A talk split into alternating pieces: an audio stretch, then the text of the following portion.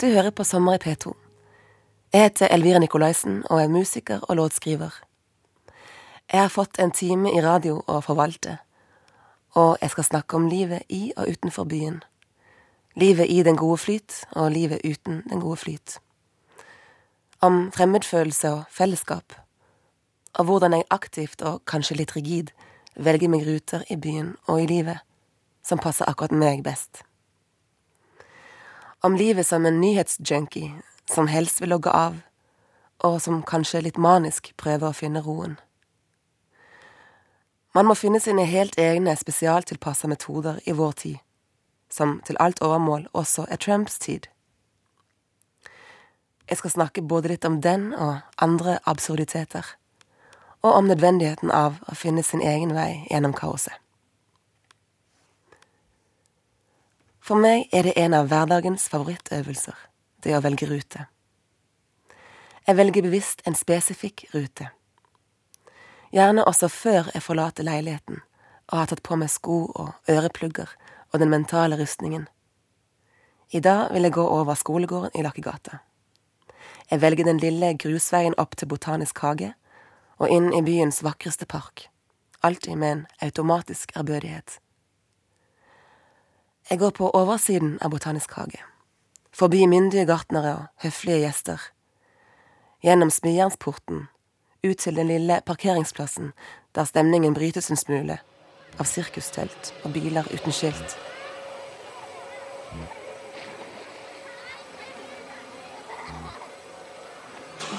Men her har jeg utsikt til Tøyenforken og Munch-museet. Her må jeg nesten alltid stoppe opp, uansett hvor dårlig tid jeg har, trekke pusten det er så frodig her. Platåene i Tøyenparken nærmest bølger nedover mot meg. Og hver gang jeg står her, tenker jeg omtrent det samme. Dette er Oslo. Dette er mitt nabolag. Hvor trist det er at Munch skal flyttes ned til Bjørvika. Og så går jeg videre. Ned mot Grønland eller til gamlebyen, kanskje. Og noen ganger ned til Bjørvika. Her er det jo også vakkert, da med raus plass til min milde misnøye og indre monolog. Det ble Lambda, altså, og om 30 år står det hele under vann. Men jeg har lært at det er best å tilpasse seg, og får ikke lenger puls av antipatien. Det er best å ikke bli for irritert, det er barnslig. Så jeg gjør det jeg kan for å tilpasse meg. Jeg går videre og ser operaen, som med sine marmorstrender kryper ned mot sjøen så naturlig og nesten beskjedent. Som en påminnelse om at gode ting kan skje alle steder. Slike blaff av takknemlighet og irritasjon, ambivalens og stimuli. Å vandre gjennom byen kan være en liten begivenhet.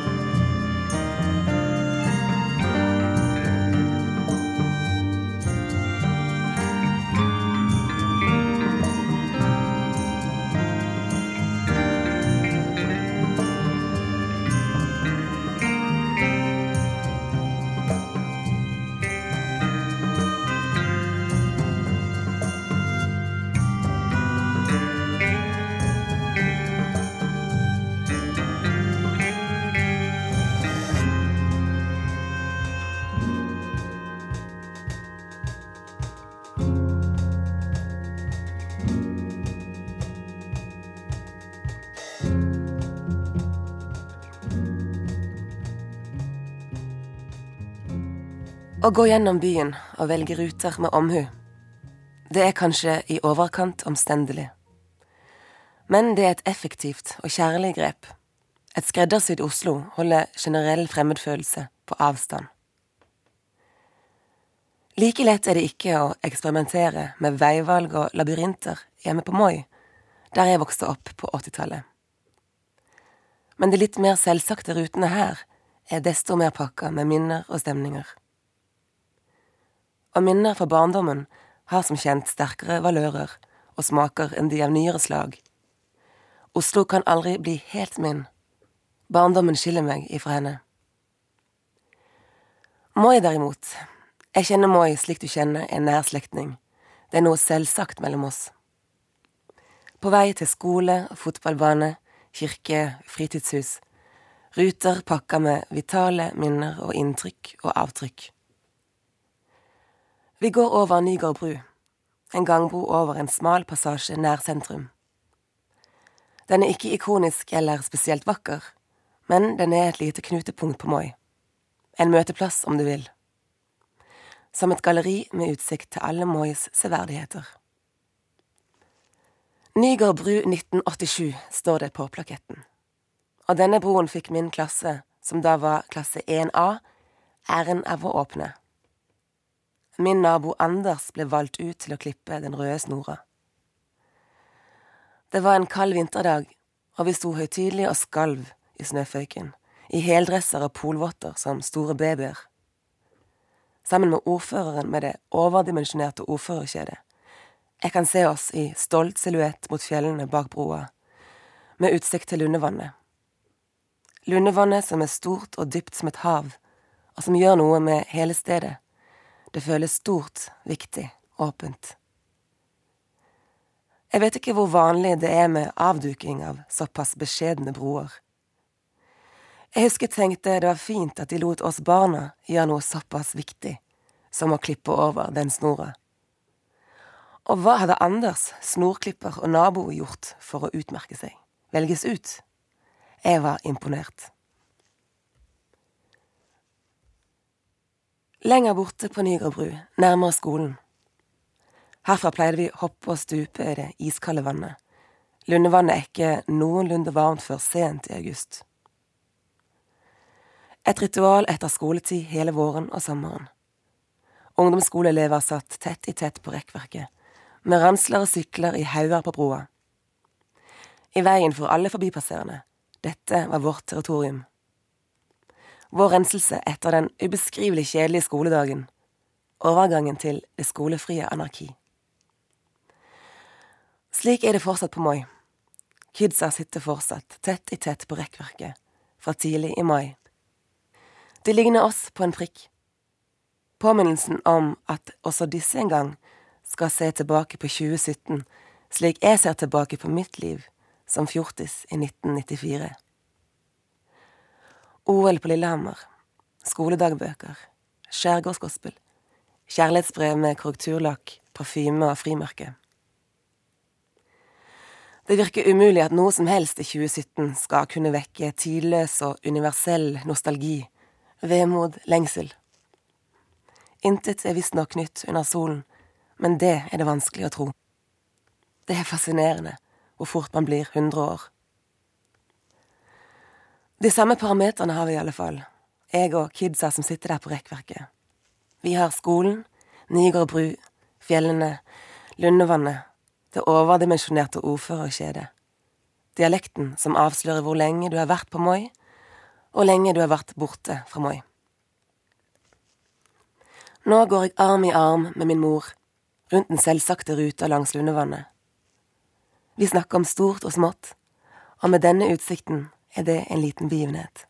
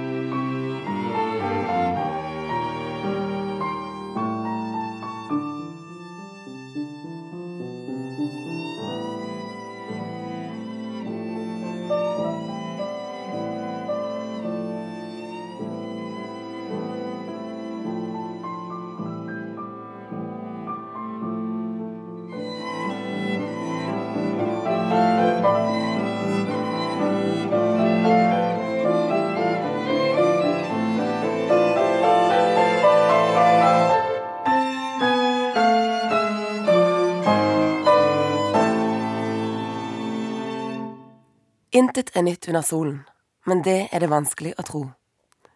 Du som blir født i 2017, fødes inn i en virkelighet der Donald Trump er president. Leader of the free world.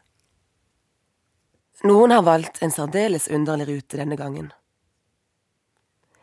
Jeg er en nyhetsjunkie og må erkjenne at jeg er en av de som er blitt en smule besatt av nyheter om Trump. Jeg stirrer som hypnotisert på skjermen og tenker at dette må være det ultimate endetidstegn. Det mest usannsynlige scenario, den mest usannsynlige kandidat, nå hverdag, virkelighet. Det er fredag kveld. Vi står rundt kjøkkenøya og haker grønnsaker og urter, og det dufter av limeblader, tamarind og sitrongress. Vi skal spise vietnamesiske sommerruller, og ganske sikkert snakke om Trump. Det er kanskje grotesk å erkjenne at det er et slags privilegium, men til gjengjeld er uroen desto mer intens. For hva sier det om vår tid, at dette kunne skje? Vi sitter rundt middagsbordet, mine venner og jeg, og vi har mange teorier. Vi snakker i munnen på hverandre. Det er så mye å ta av. I dagslys kan det være nærmest uhyggelig å ta inn over seg virkeligheten, med Trump i verdens kanskje viktigste rolle. På kveldstid, rundt dette bordet, er det også gjenstand for grenseløs fascinasjon. Det er stimulerende, på sitt tvilsomme vis. Store og små, i alle verdens hjørner, med blikket vendt mot denne mannen, lurer i fellesskap på hva som venter. Det er unntakstilstand. Vi er snødd inne på hytta, sammen med store deler av verden. Vi lytter til denne spøkelseshistorien fra virkeligheten og setter oss tett inntil hverandre. Det er vel noe lindrende ved det, noe samlende. Jeg prøver å huske hvordan det var å være menneske før Trump, dette nye år null. Det var viktig å ikke krisemaksimere. Ingen rundt bordet vårt tok muligheten på alvor. Ikke mange i pressen heller. Å snakke om Trump som en reell mulighet føltes hysterisk, melodramatisk, som en slags fornærmelse mot vår egen intelligens. Den hardt prøvede pressen boltra seg i galskapen, med en slags forsikring om at han ikke ville bli president uansett, og var kanskje medskyldige i at Trump ble valgt. En bevisst gambling jeg er redd de ville gjort igjen hvis de fikk sjansen. Til å være en bransje som lever av å krisemaksimere, var dette et underlig tidspunkt å ta et oppgjør med den praksisen. Valgnatta satt jeg oppe med noen venner, på en slags valgvake, altså middag med litt ekstra god grunn til å sitte oppe lenge på en tirsdag. Men vi våka ikke mye over utviklingen. Alle målinger sa det samme. Amerika får sin første kvinnelige president, og vi så for oss fire trauste år og festtaler på autopilot. Men det var da. Det nye år null har en helt ny målestokk. Trump som president var og er så uhørt at alle nyhetssendinger etter denne natta har et mørkt underholdningspotensial. Jeg kan nesten huske et fysisk skift i rommet. Så satt vi der, med skjegget kollektivt i postkassa. Vi hadde unngått krisemaksimeringen og satt nå igjen med en krise i sin reneste form. Jeg må trekke pusten. Det er så mye som er mulig i vår tid. At Trump kunne bli president, er et grotesk eksempel på det. Verdens leder kommer til makta via ren og skjær frekkhet og vår egen vilkårlige frykt for å krisemaksimere. Den kollektive selvfølelsen er ikke like selvfølgelig lenger. Ei heller tilliten til at det alltid vil være noen voksne som passer på. Trump, altså. 100 dager inn er fortsatt 100 ubegripelig. Jeg går min skreddersydde rute gjennom byen og tenker at denne fremmedfølelsen må jeg da kunne bruke til noe. For å dele den med så mange andre. Jeg gjenkjenner resignasjonen. Den samme litt frydefulle vantroen.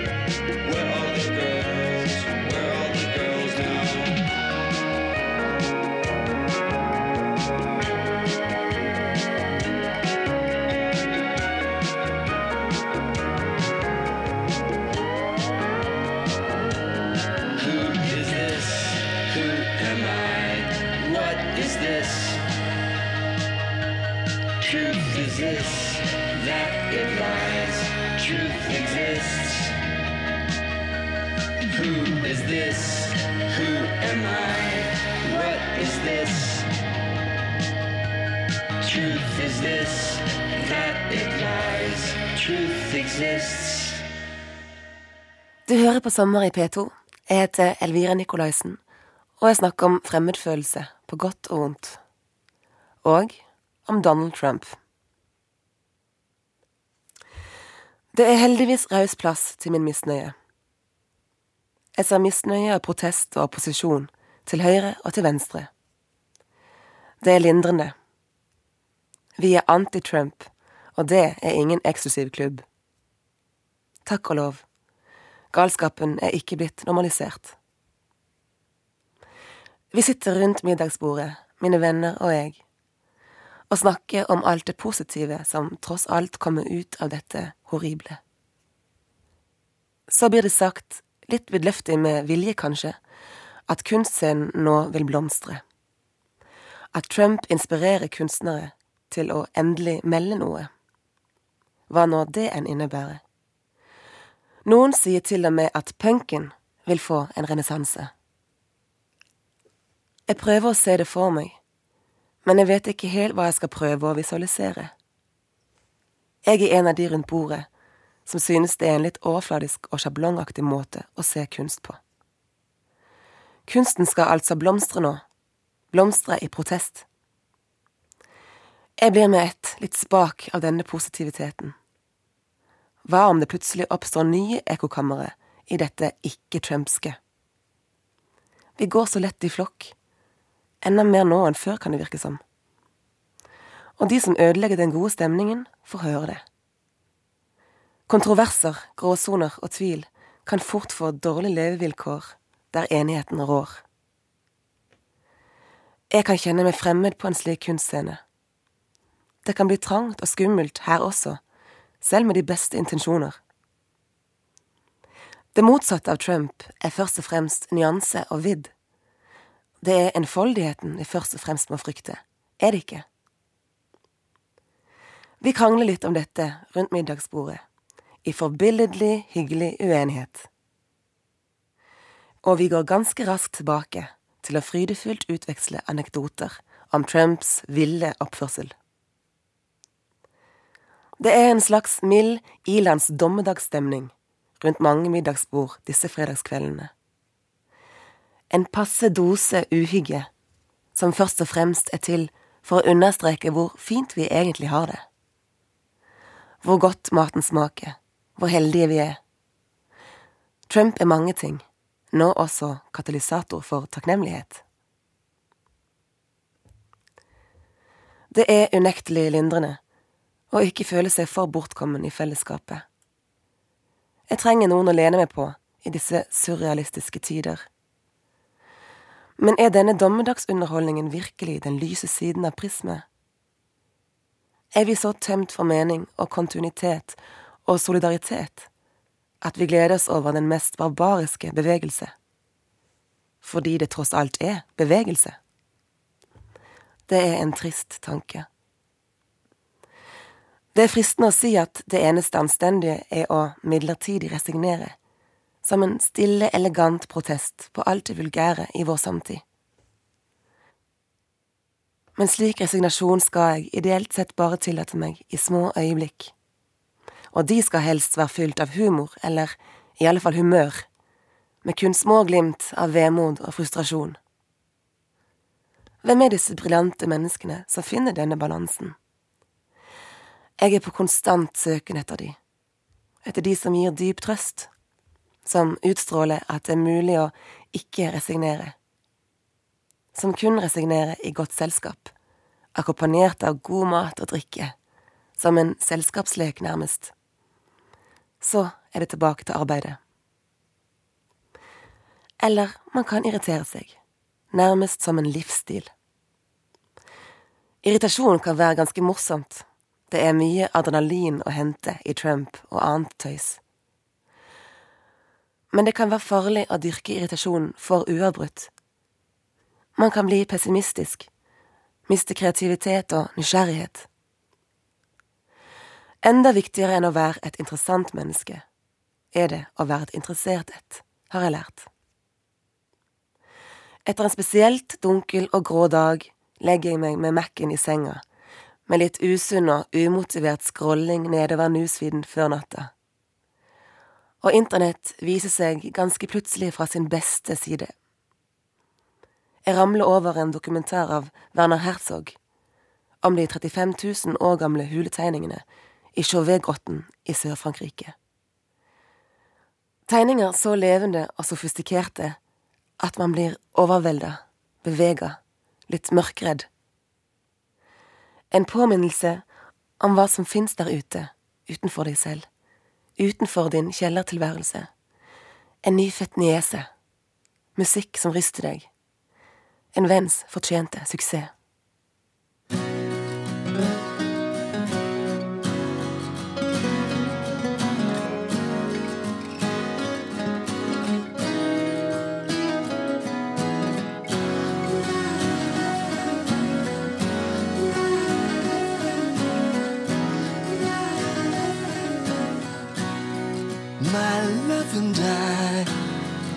Work well together, but often we're apart. Absence makes the heart lose weight, yeah. Till love breaks down. Oh my, oh my, have you seen the weather? The sweet September rain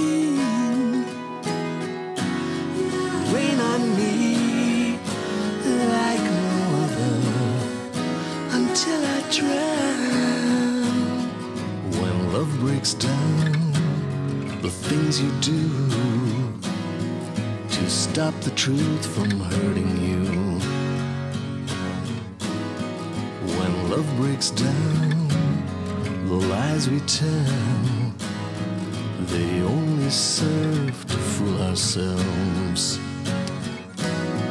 When love breaks down, the things you do to stop stop the truth from hurting you. Breaks down, the lies we tell, they only serve to fool ourselves.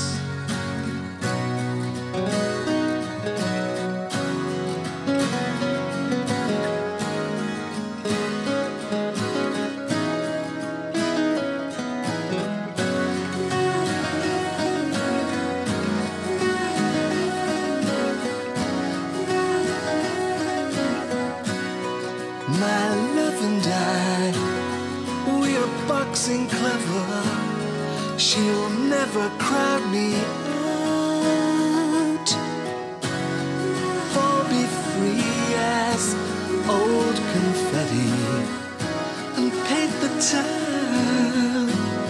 When love breaks down, the things you do to stop the truth from hurting you.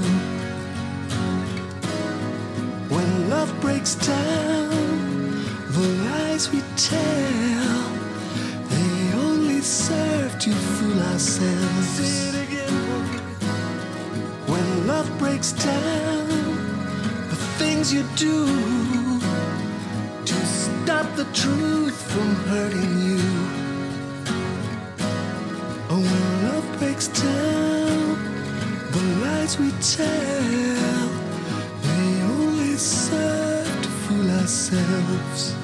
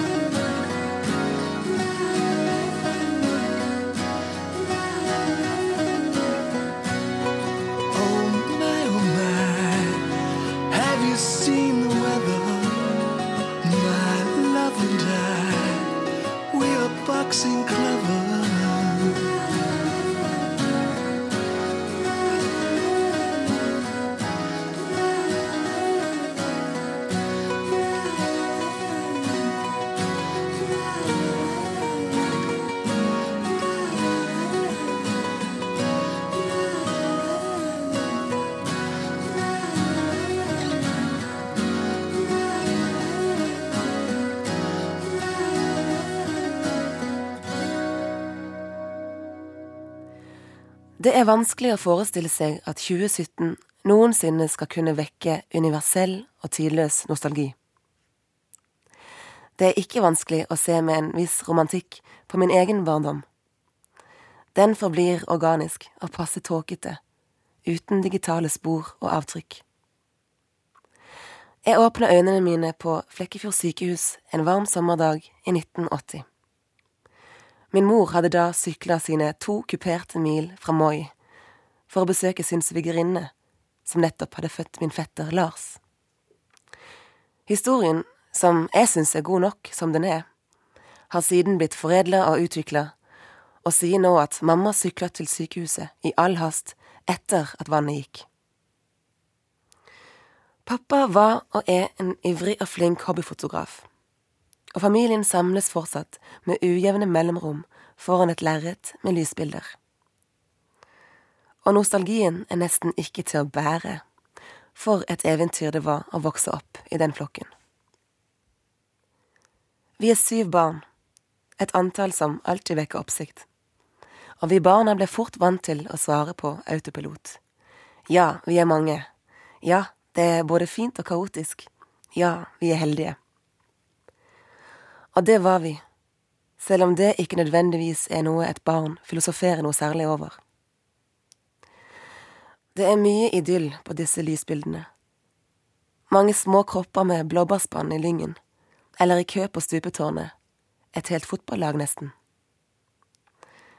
Det var et eventyr, men det er sånt man ikke vet før man ser lysbilder mange år senere.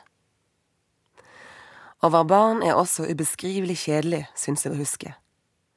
Men verdens potensiale og barnets tro på det er grenseløst. Bortenfor det kjedelige, lyse potensialet i horisonten. Bortenfor mattetimene et eventyr av et friminutt. Bortenfor de lange gudstjenestene var det kirkekaffe og himmelske nystekte vafler med smelta smør, og uhemma lek mellom benkeradene. I en stor flokk er man alltid med på et opplegg. Selv det å pusse tenner kan bli et lite event, med kø og støy og organisering. Å finne egne ruter i et stramt opplegg, det er det som gjelder. Vi bygde hytter i skogen, der det var aller vanskeligst å komme til, under svære steiner og fallende trær.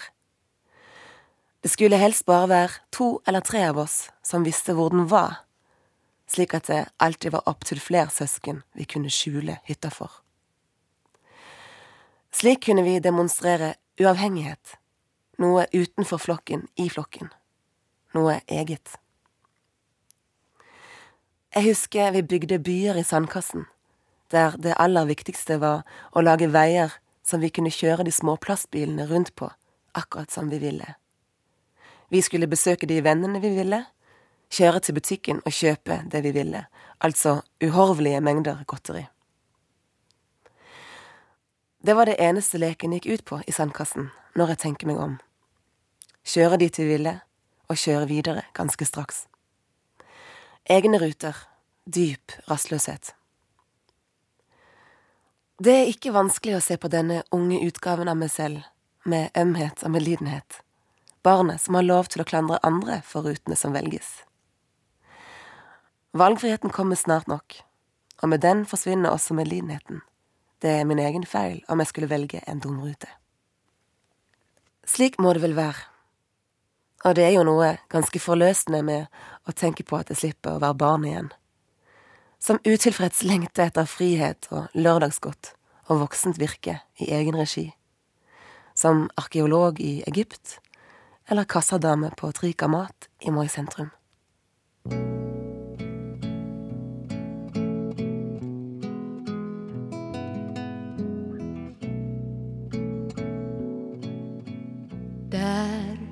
På en benk har en gammal solstråle just somnat in. Vinden smeker hans kind som ingen har rørt vid på lenge, lenge. Gamla älskade barn vad drømte din mamma om når du ble till? Älskade barn, gamla älskade barn. Vilken dag upphör ett barn med att vara barn? Vilken dag slutar barnens vän att vara vän? Vilken dag mister en människa barnets rätt till trygghet och tröst och förlåt. Vilken dag betraktas man plötsligt som vuxen och stor och får själv ta hand om sin gråt. Där på en bänk har en försupen solstråle just somnat in. Vinden smeker hans kind som ingen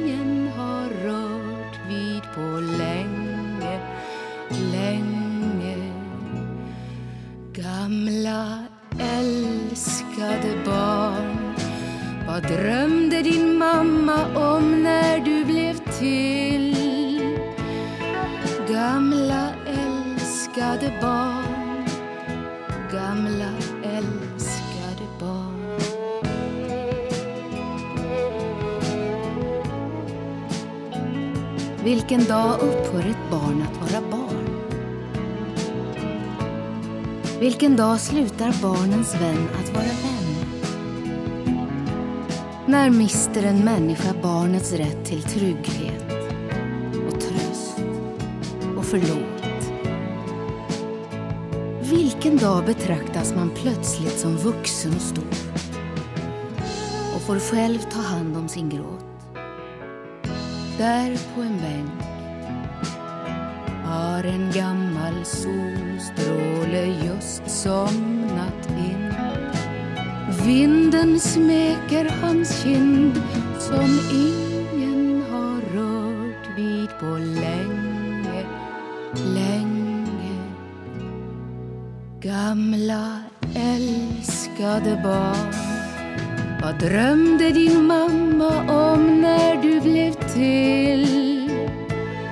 Gamla älskade barn Gamla älskade barn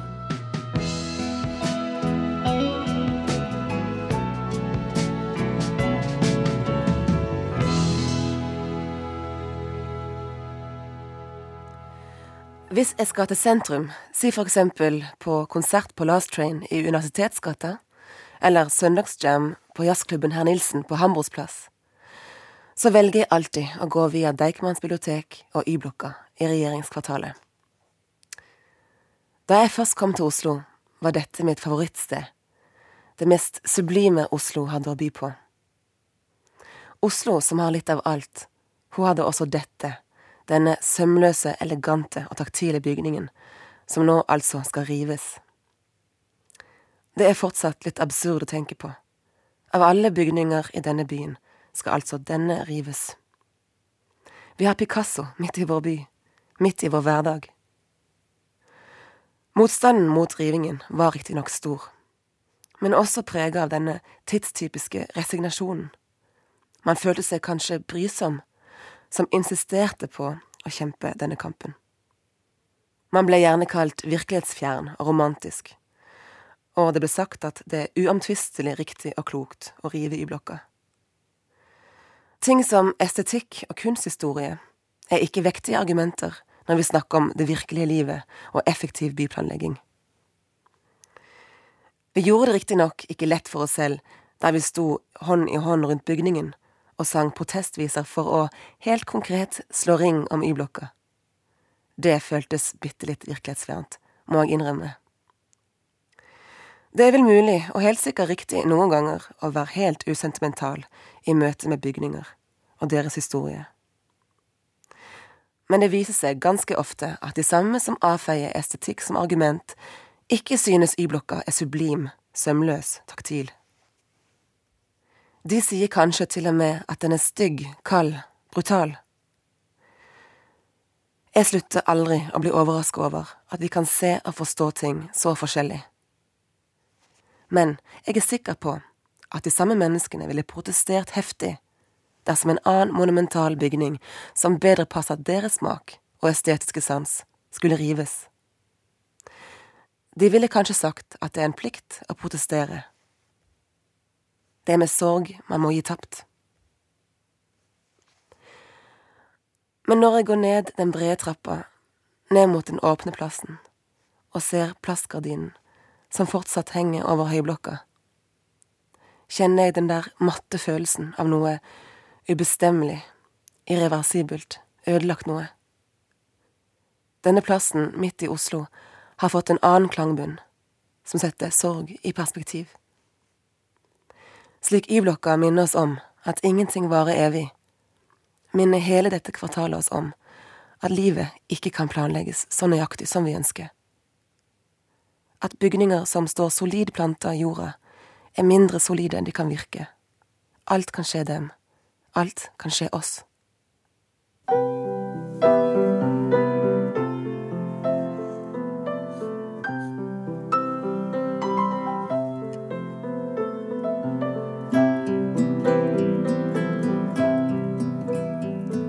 Et dygn har både dag og natt. Allt kan inte alltid vara bra. Och det svåra och det motiga vi möter är en chans till kamp för något bättre. Ett dygn har både dag och natt. Och natten ger oss skydd. Kontraster gör det lättare att se de enskilda detaljerna och tingen. Kontraster gör det lättare att veta åt vilket håll vi går och vad vi vill. Så titta klart på det som är dig motsatt. I skärningsytan gror en bättre framtid som drar sin näring rakt ur kollisionen. Så titta klart på det som er deg motsatt. Et dygn har både dag og natt.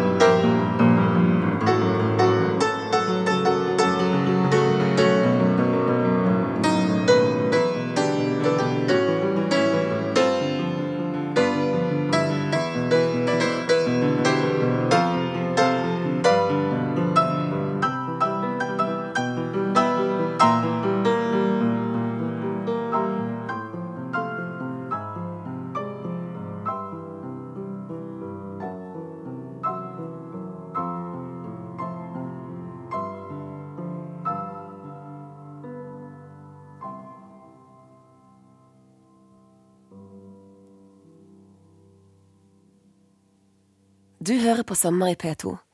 Jeg heter Elvira Nikolaisen og snakker om fremmedfølelse og fellesskap, og om å velge ålreite ruter her i livet. Det er visst ikke grenser for hvor fremmed et menneske kan føle seg i forhold til sine medmennesker. De som på papiret skal være så lik en selv, de kan virke som romvesener. Det var noe man nærmest ubevisst registrerte da man var barn. Et litt større barn gjør absolutt alt for å passe inn. Det er en refleks å bli så gjennomsnittlig som mulig. Jeg husker jeg ønska meg tannregulering fordi de andre jentene i klassen fikk det, og jeg drømte om at mamma skulle begynne å røyke og henge på konditoriet på formiddagene, slik jeg så for meg at de andre kulemødrene gjorde. Som tenåring er fremmedfølelsen en direkte skremmende erkjennelse. Man prøver å bruke det til sin fordel så godt man kan, for å kamuflere hvor skrekkslagen man er. Man allierer seg med likesinnede, og man finner snedige måter å pynte på sitt utenforskap. Gjør det til noe kult og ønska. Men det er kanskje alltid litt vanskelig å glede seg over, eller være stolt av sin uortodokse tilnærming til livets dans. Det er ikke nødvendigvis så stas å være annerledes i de frie yrker heller, for oss som skal leve av vår originalitet i 2017. Du må helst kunne vise til en viss suksess for å føle deg trygg på ditt ukonvensjonelle valg av rute. En populær forfatter kan gjerne kokettere over sin medgang og si at hun hater sine egne bøker. Da vil hun fremstå som fascinerende, full av paradokser. En ukjent forfatter som hater bøkene sine, som ingen vil ha, blir ikke nødvendigvis oppfatta som like fascinerende. Vi sitter rundt middagsbordet, mine venner og jeg, og en av oss presumptivt frie, uortodokse, sier følgende. Det er så deilig å kjenne at jeg liker det alle andre liker nå. Jeg vil ha de samme tingene. Jeg er helt vanlig. Jeg passer inn, og jeg liker det.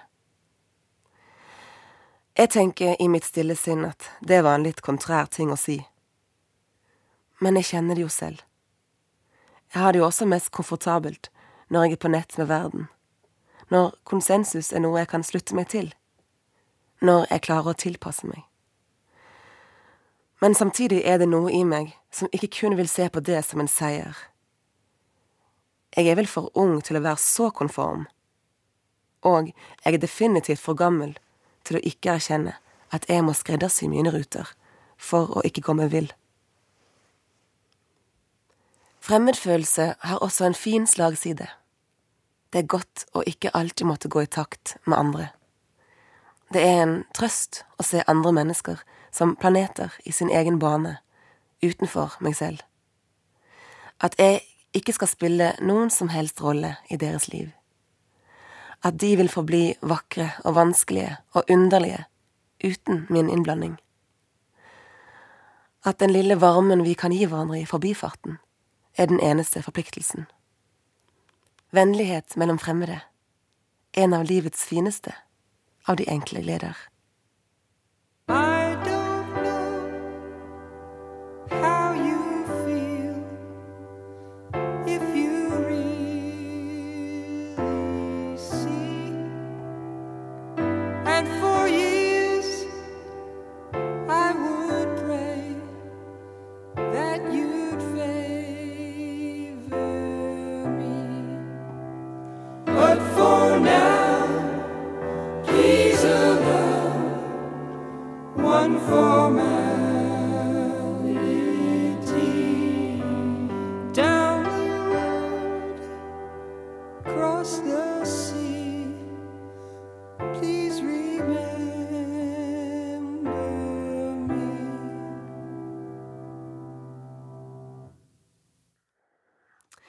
Jeg går nedover Trondheimsveien fra Lakkegata.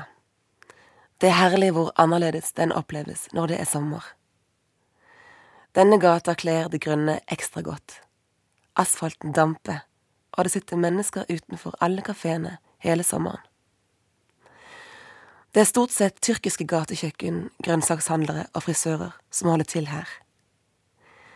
Det er mer eller mindre provisoriske sittegrupper ved alle inngangsdørene, og det er folksomt fra morgen til kveld. Det lukter jordbær, spisskummen, herreparfyme, varm asfalt. Det slår meg hvor annerledes dette strøket virker på meg da jeg først kom til Oslo. Jeg hadde venner som bodde i et kollektiv her en stund. Jeg må ha besøkt dem på høsten, da det var tåkete og kaldt. Jeg forbandt det med Oslo øst, slik jeg trodde Oslo øst var. Det var basert på barndommens særdeles løse og komiske antagelser, alt med en touch av Pelle og Proffen og frykten for overdosedøden på Oslo S. Det er herlig og litt skummelt hvor omtrentlig man har lov til å være. Mange av disse livets misoppfatninger vil man kanskje aldri oppklare. Det er ingen fremmedfølelse forbundet med denne gata nå. Den er levende, og den angår meg heller ikke for mye. Jeg har på et flunkende nytt headset og hører på nyheter. Det er kanskje urutinert å utsette seg for direktesendt radio når man er ute og rusler. Man bør jo helst velge musikk fra øverste hylle, musikk som gjør den hverdagslige vandringen gjennom byen til en liten begivenhet. Men jeg er en nyhetsjunkie, og etter Trump er det blitt enda verre. Nyhetsankermannen sier NRK skal lansere mer konstruktive nyhetssendinger, fordi forskning viser at altfor mange skrur av når de hører negative nyheter. Spesielt kvinner skrur av. Én av fem. Jeg kjenner resignasjonen snike seg på. Fake news, alternative nyheter, og nå altså konstruktive nyheter. Men det lukter jordbær og varm asfalt i Trondheimsveien, og Akerselva glitrer nede ved Nybrua. Det er kanskje ingen hus eller gater eller fjell som kan tilby absolutt beskyttelse ifra uroen, fra støyen, fra Trump, fra meg selv. Men fremmedfølelsen er jo ikke heller absolutt. Det skal så lite til for å finne flyten igjen. Du går ut døra en sommerdag, og restene av dagens sol spretter over hustakene. Eller det regner cats and dogs, og folk går to og to under paraplyer og skynder seg over en åpen plass. Og du skynder deg også, over til grønnsakssjappa over gata. og tenker at så raskt og så plutselig kan du kjenne deg bundet til livet og til verden igjen.